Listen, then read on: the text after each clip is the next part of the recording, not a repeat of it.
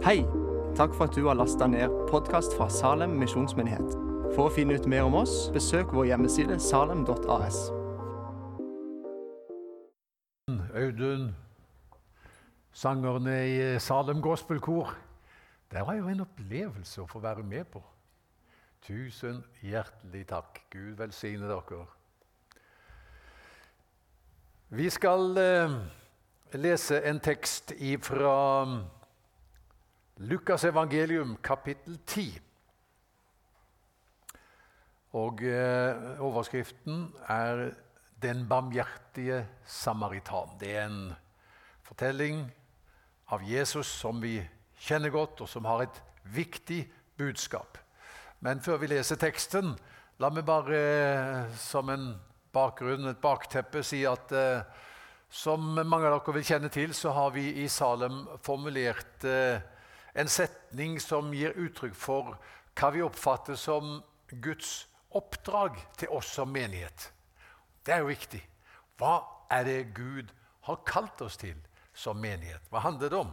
Og Setningen lyder som så.: Ære Gud, gjøre livet bedre, gjøre disipler av Jesus. Det tror vi det handler om å være med i Kristiansand misjonskirke Salem. Ære Gud, det betyr Altså Det som er styrende for livet vårt, er at vi vil være til glede for Ham. Mm -hmm.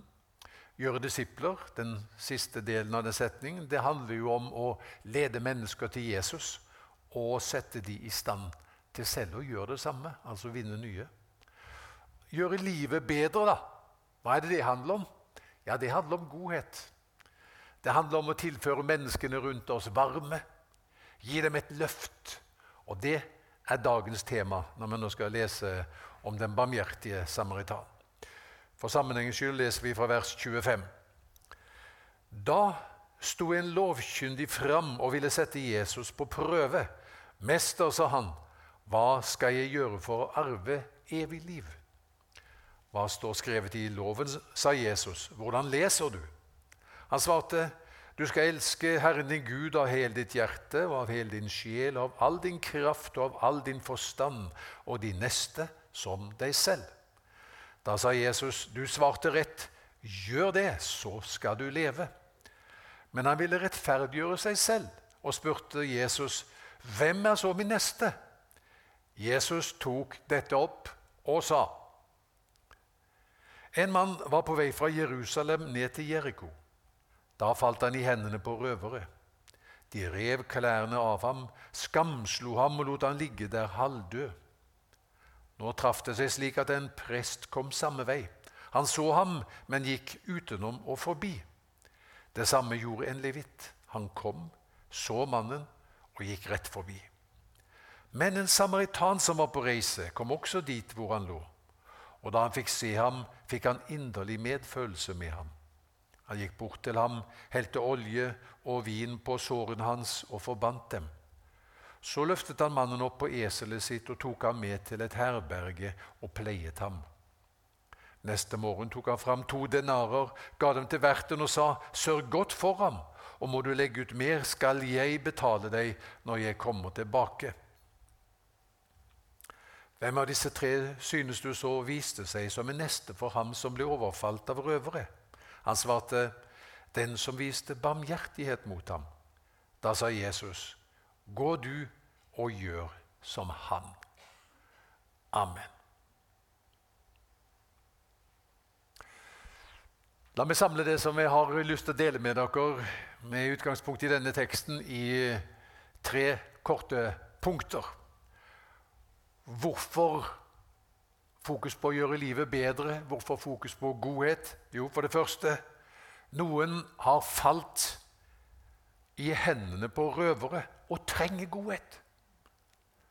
For det andre Gud vil godhet. Og for det tredje vi har jo selv fått erfare så mye godhet. Så først, da. Noen har falt i hendene på røvere og trenger godhet.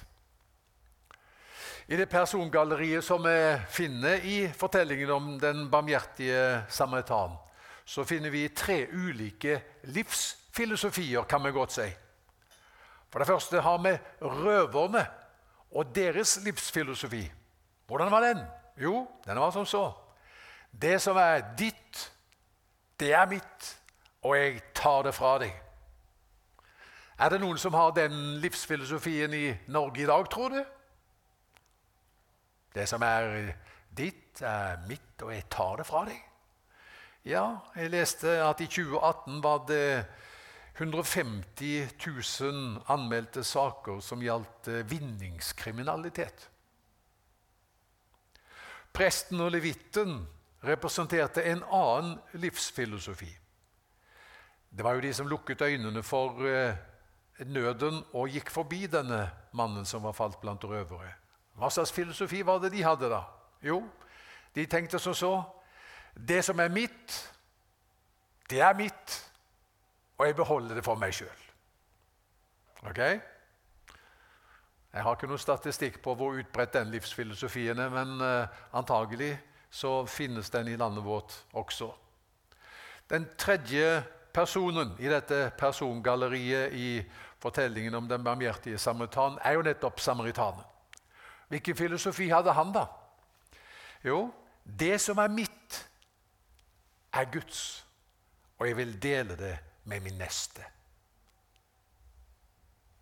Og Jesu lærepunkt til oss er jo veldig klart, for han sier på slutten av uh, fortellingen Gå du og gjør som han. Vis godhet. Møt sosiale behov. Utgangspunktet for at Jesus forteller denne lignelsen, er jo at eh, denne fariseeren som han er i samtale med, spør hvem er min neste? Og Det kan jo være aktuelt for oss òg å spørre det. Hvem er min neste? Ja, det er et medmenneske som har behov for din hjelp. Uavhengig av rase, politikk, livssyn, religion, sosial status. Hvem kan det være? Ja, Det kan være de som lager klærne våre og skoene og alle forbruksartiklene som vi bruker. Vi skal få opp et uh, bilde som, er, uh, som, kalles The Global Wealth Pyramid. Den globale rikdomspyramiden. Og Den forteller noe om hvordan all verdens rikdom er distribuert. Og da er Det faktisk slik, det er jo kanskje litt for liten skrift til at du kan se det, men det er på toppen der. Ser du det? Det er en liten blå flekk på toppen der. Det er 0,9 av verdens befolkning. Og de eier 43,9 av all privat rikdom. Tenk på det. 0,9% eier 43,9% av alt privat rikdom. Så har du det store blå feltet nederst. Det er 56,6% av verdensbefolkningen. Over halvparten og de eier 1,8% av rikdommen. Her er en skjev fordeling og en, en grell urettferdighet. Føler ikke du også på det når du ser dette presentert på den måten? Så hvem er vår neste? Ja, det er de som strever med livet. Det kan være de, henne de bor i Asia. Kanskje bor de i Colombia. Vi har fått det presentert i dag.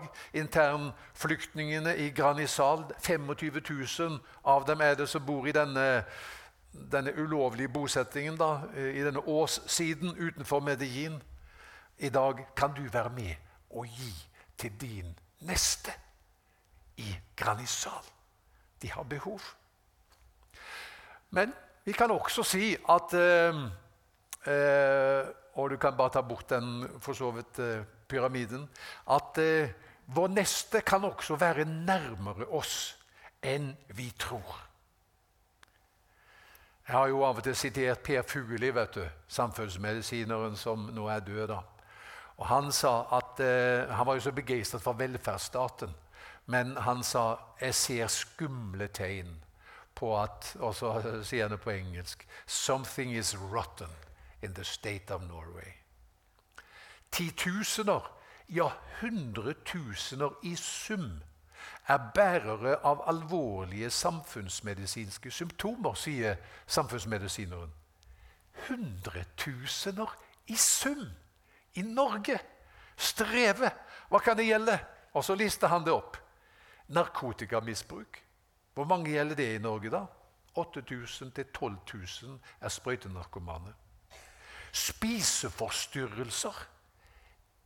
Hvor mange kan det gjelde i Norge? 100 000. Seksuelle overgrep. Det er vel ikke så utbredt. Én av tre kvinner har opplevd det, sier de. Depresjoner, da? Ja, Da sier statistikken at når det gjelder kvinnene, så vil 15-25% av alle kvinner i Norge i løpet av livet ha en så tung depresjon at de vil trenge hjelp. Det samme tallet for menn er 7-12 Hvorfor det er en forskjell der, det vet jeg ikke. Selvmord 600 i året i Norge. Utbrenthet. Vold. Dette er statistikken til eh, Per Fugelli. dette her er vold utbredt. Én av 20 barn i Norge opplever alvorlig vold i hjemmet. Én av fem barn. Vold som ikke kan defineres som barnemishandling, men likevel vold. Mobbing, da? Hvordan er det med det? 60 000 skolebarn blir mobbet to til tre ganger i måneden i landet vårt. Ensomhet. 16% av befolkningen sier vi er ensomme. Utenforskap. Fattigdom. Hvordan er det med fattigdom i Norge, da? Ja, Vi kan ikke sammenligne det med granisal, denne, denne bosettingen utenfor Medellin, men tatt i betraktning hvordan det ellers er i Norge, så sier FN at 10% av det norske folk lever i fattigdom. Det er sånn relativ fattigdom, da, ikke sant? men det betyr at eh, de havner utenfor i så mange sammenhenger i landet vårt. Og Derfor er det fint at vi kan være med eh, og gi en gave gjennom Blå Kors til barn som er i den kategorien.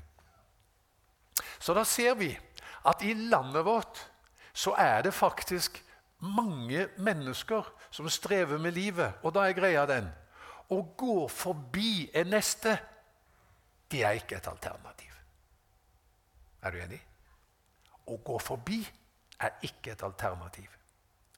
Ikke alle i Norge er våre brødre og søstre i troen, men alle er vår neste. Og kallet vårt er at eh, vi skal elske vår neste. Ikke sant? Hva vil det innebære, da? Å elske vår neste? Ja, En definisjon er rett og slett sånn jeg vil gjøre ditt problem til mitt problem. Jeg ser du har et problem. Det skal du slippe å eie alene. Jeg vil gjøre det til mitt problem. Og Det kan være veldig praktisk. Den barmhjertige samaritan han angrep dette et, fra en veldig praktisk eh, vinkel når han møtte denne mannen som var falt blant røvere. Hva handlet det om? Han ga ham førstehjelp. Han ga ham transport.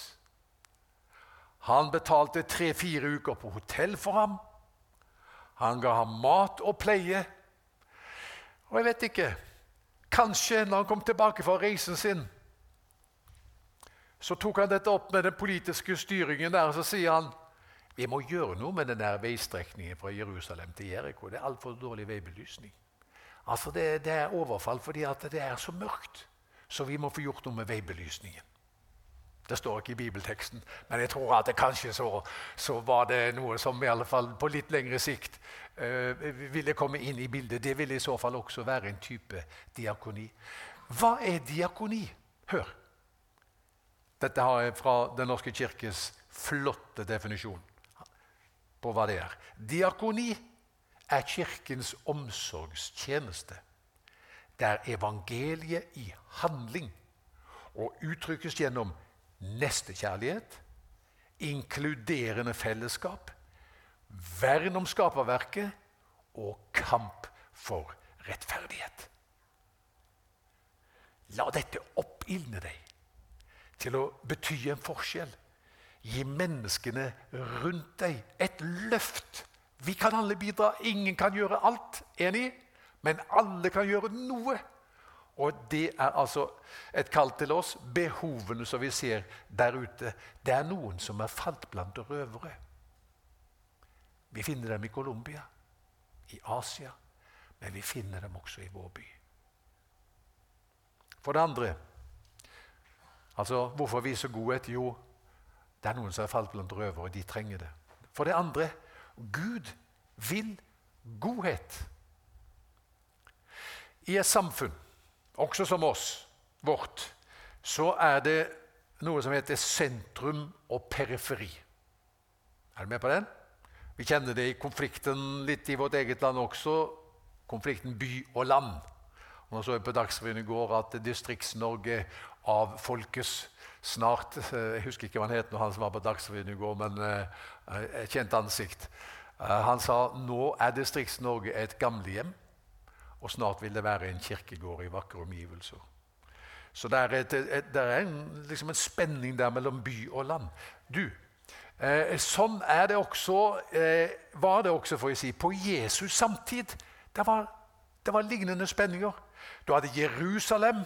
Der var, den, der var, tempelet, der var den religiøse eliten, politiske eliten. Der var vel den økonomiske styrken. Det var Jerusalem. Men så var det dette hedningenes Galilea, da. Det var ikke mye å skryte av. Hedningenes Galilea. Nå skal vi feire jul. Og vi skal glede oss over at Gud ble menneske. At Jesus kom til jord. Og når han velger sin tjeneste, hvor er det han sier at det skal være arenaen for hans tjeneste på jorden? Jerusalem? Nei, hedningenes Galilea. Det velger han ut. Og han viser oss altså hvordan Gud er. Omsorg for de marginaliserte. De er høyt på Guds agenda. Vet du det at eh, omsorg for fattige er en kristen idé? Visste du det?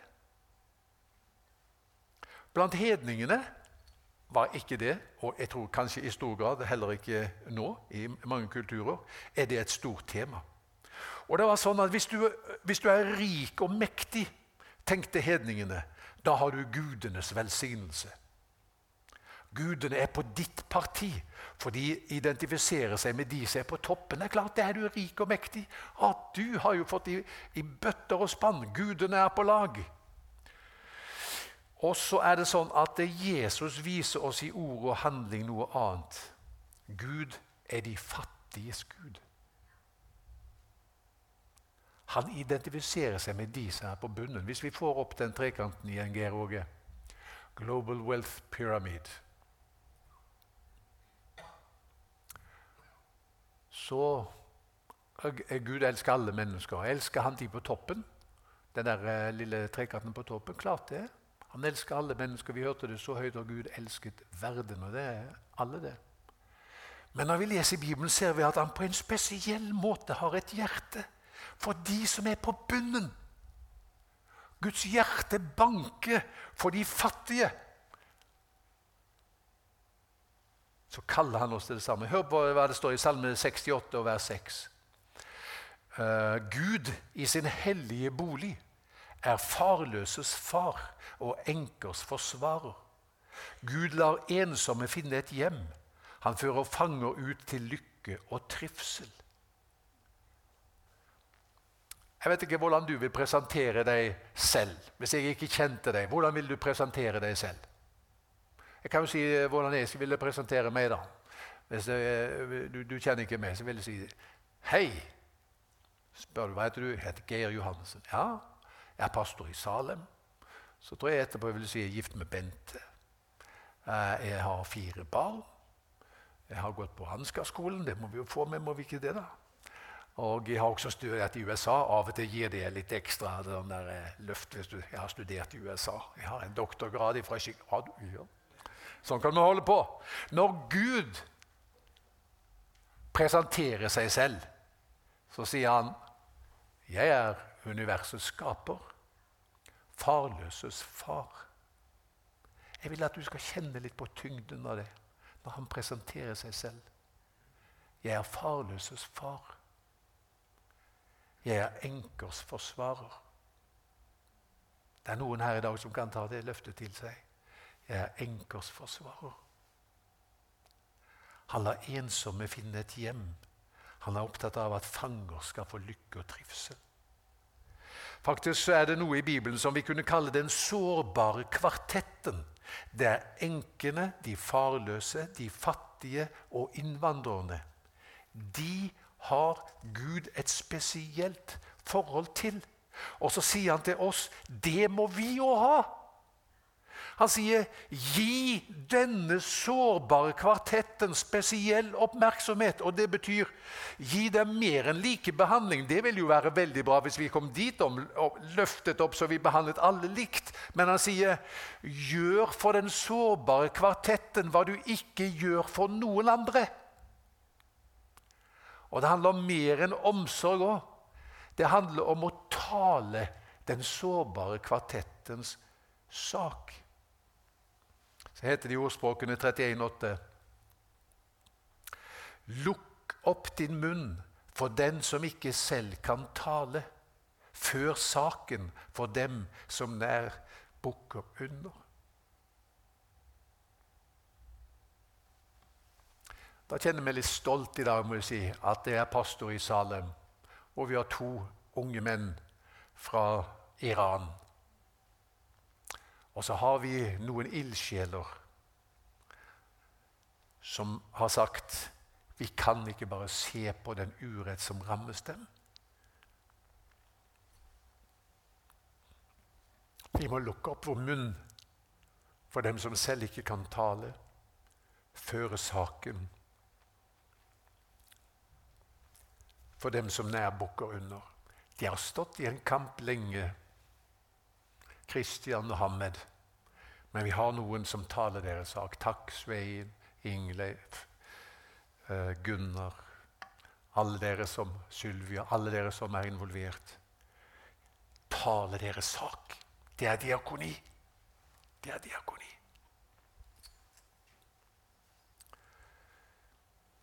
En tredje motivasjonsfaktor for å gjøre godt, det er vi har jo selv fått erfare så mye godhet. Har vi ikke det? da? Jesus forteller ikke til jøden Husk på det. Denne fariseeren som han snakker med her, før han forteller lignelsen om den barmhjertige samaritan, det er en jøde. Og Han forteller ikke til jøden om en barmhjertig jøde som hjelper en samaritan, men om en barmhjertig samaritan som hjelper en jøde. Det er jøden som er i nød, og han får hjelp fra uventet hold fra en samaritan. De er jo ikke på talefot. De er jo liksom, Hvis jøden er på Nordpolen, så er samaritanen på Sørpolen. Det er liksom polavstand mellom dem. Men samaritanen hjelper jøden. Det er nåde. Og Det er et perspektiv og en tolkningsnøkkel som Jesus vil at vi skal ta med oss når vi leser denne fortellingen. her det som Jesus vil at vi også skal forstå når vi leser denne. Hvem er den personen som har falt blant røvere? Det er meg.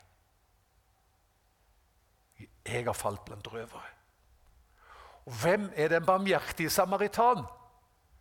Det er Jesus. Ikke sant? Du kan, hvis du ser det i det perspektivet, Kanskje du aldri har tenkt på det før, men ser du det i det perspektivet, så forstår du det med en gang. Selvsagt, det er sånn det er. Denne barmhjertige samaritan han opptrer jo slik som Jesus opptrer i møte med mennesker som har det vondt. Det, står I Lukas, i Lukas 10, 33 står det eh, om eh, samaritanen. Da han fikk se ham, altså fikk se denne mannen som var falt blant røvere, fikk han inderlig medfølelse med ham. Og alle som har lest evangeliet, vil umiddelbart tenke det uttrykket har jeg da sett før. Hvor har jeg ellers lest om en som har inderlig medfølelse med noen? Ja, det er Jesus. Det er uttrykket som mer enn noe annet beskriver han.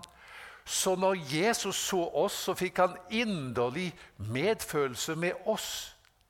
Vi leser videre. Han gikk bort til ham, helte olje og vin på sårene hans og forbandt dem. Tenk tilbake. Hvordan var det før du ble en kristen? Hadde du også noen sår? Men det var en som kom til deg, helte olje og vin. Olje og vin det handler jo både om legedom og renselse. Han kom til deg, og så forbandt han sårene dine. Hva, hva så da? Hva skjedde etterpå for deg? Jo, han ga deg et løft. Han løftet mannen opp på esel og tok ham med til et herberg og pleiet ham. Og så sier han at eh, han, han gir to denarer til verten, og så sier han 'sørg godt for ham'. Det er jo Jesu tanke også for deg. Sørg godt for ham. Må du legge ut mer? Jeg skal betale. Har du hørt det før òg? Det er jo evangeliet, det. Evangeliet det er budskapet om at Gud i himmelen sier når han ser de utgiftene vi har, som har syndet mot, mot ham, 'Jeg skal betale'. Han er vist omsorg for oss. Ja, så langt gikk den omsorgen at Jesus går inn i vårt sted på korset. Og Igjen så ser vi at den lignelsen om den barmhjertige samaritan den kan også vise noe om hva som skjedde da Jesus døde på korset. For beskrivelsen av det som skjedde med mannen som falt blant røvere, passer veldig godt med beskrivelsen av det som skjedde med Jesus da han døde på korset. Hva sto det? De rev klærne av ham, skamslo ham og etterlot ham halvdød. Skal vi si at det skjedde også i opptakten til det som skjedde da Jesus døde på korset, og da han døde. Altså Han identifiserte seg med oss. Steg ned i vår situasjon for å løfte oss opp av dette og gi oss del i sitt liv, sin fred, sin glede, sitt lys, sin varme. Vi har møtt godhet. Vi hadde ikke fortjent det, men han var god mot oss. Så der har du tre grunner til å vise godhet. Det er noen som har falt blant røvere. De trenger det. Og Gud vil det, for han identifiserer seg med de som har falt blant røvere. Og så har vi jo opplevd så mye godt sjøl. La meg avslutte med en uh, inspirerende historie. da. Inspirerende, synes jeg i alle fall. Jeg vet ikke om du har hørt om denne mannen Trevor Ferrell. Kanskje, kanskje ikke. Men i 1983 var han 11 år, og han ser eh, på kveldsnyhetene i hjemmet sitt i Philadelphia i USA. Og Nyhetsredaksjonen kjørte denne kvelden eh, et innslag om hjemløse i Philadelphia.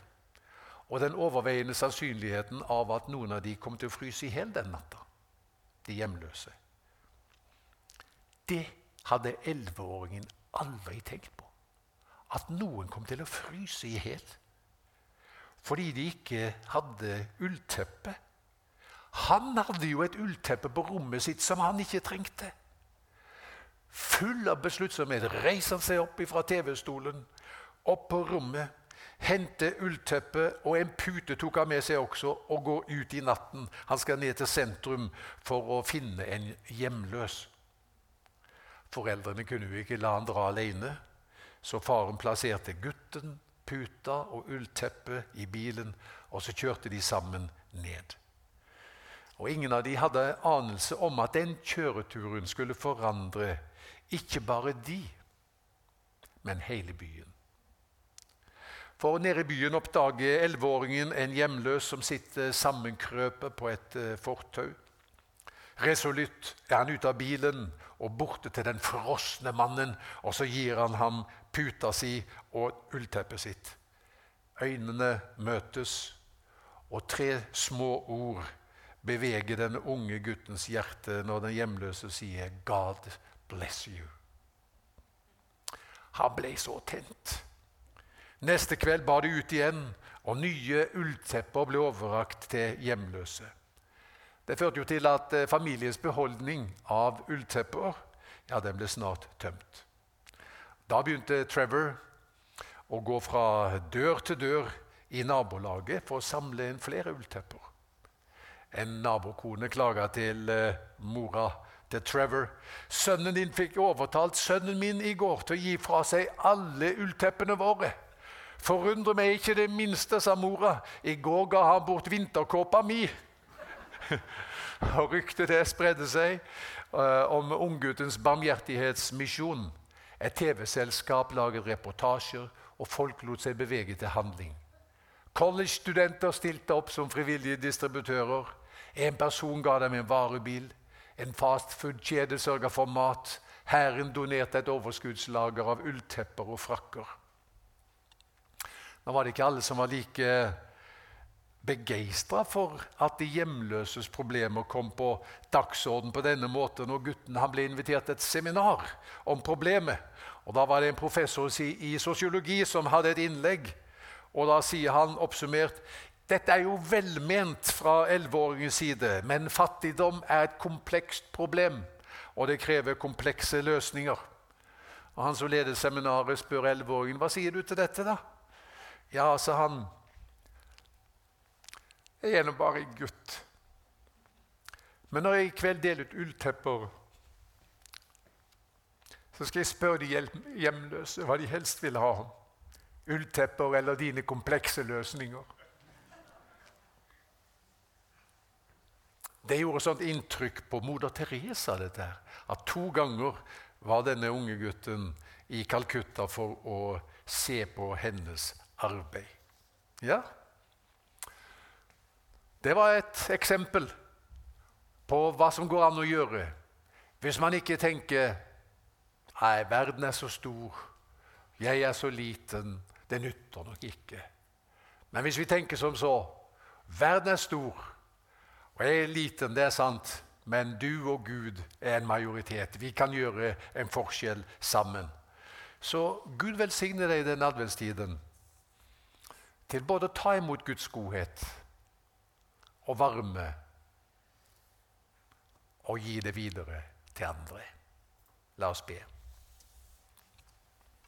Herre, vi takker deg for at uh, du er en god Gud, og at det ikke er noe som bedre kan beskrive deg enn det. Du er god. Og vi ber om at det første som skal uh, kunne sies også om ditt folk i denne byen, er dette. Ja, Vi kan si mye om dem, men det er sikkert de er gode. De gjør godt og gir andre varme og et løft. Takk for den muligheten som vi har til å gi til uh, uh, denne landsbyen eller bosettingen i Medellin. Takk for muligheten som du kan gi oss også i vår hverdag eh, her i Kristiansand. Gi oss øyne til å se, Herre, og nåde til å gripe hver anledning som du gir oss. Amen.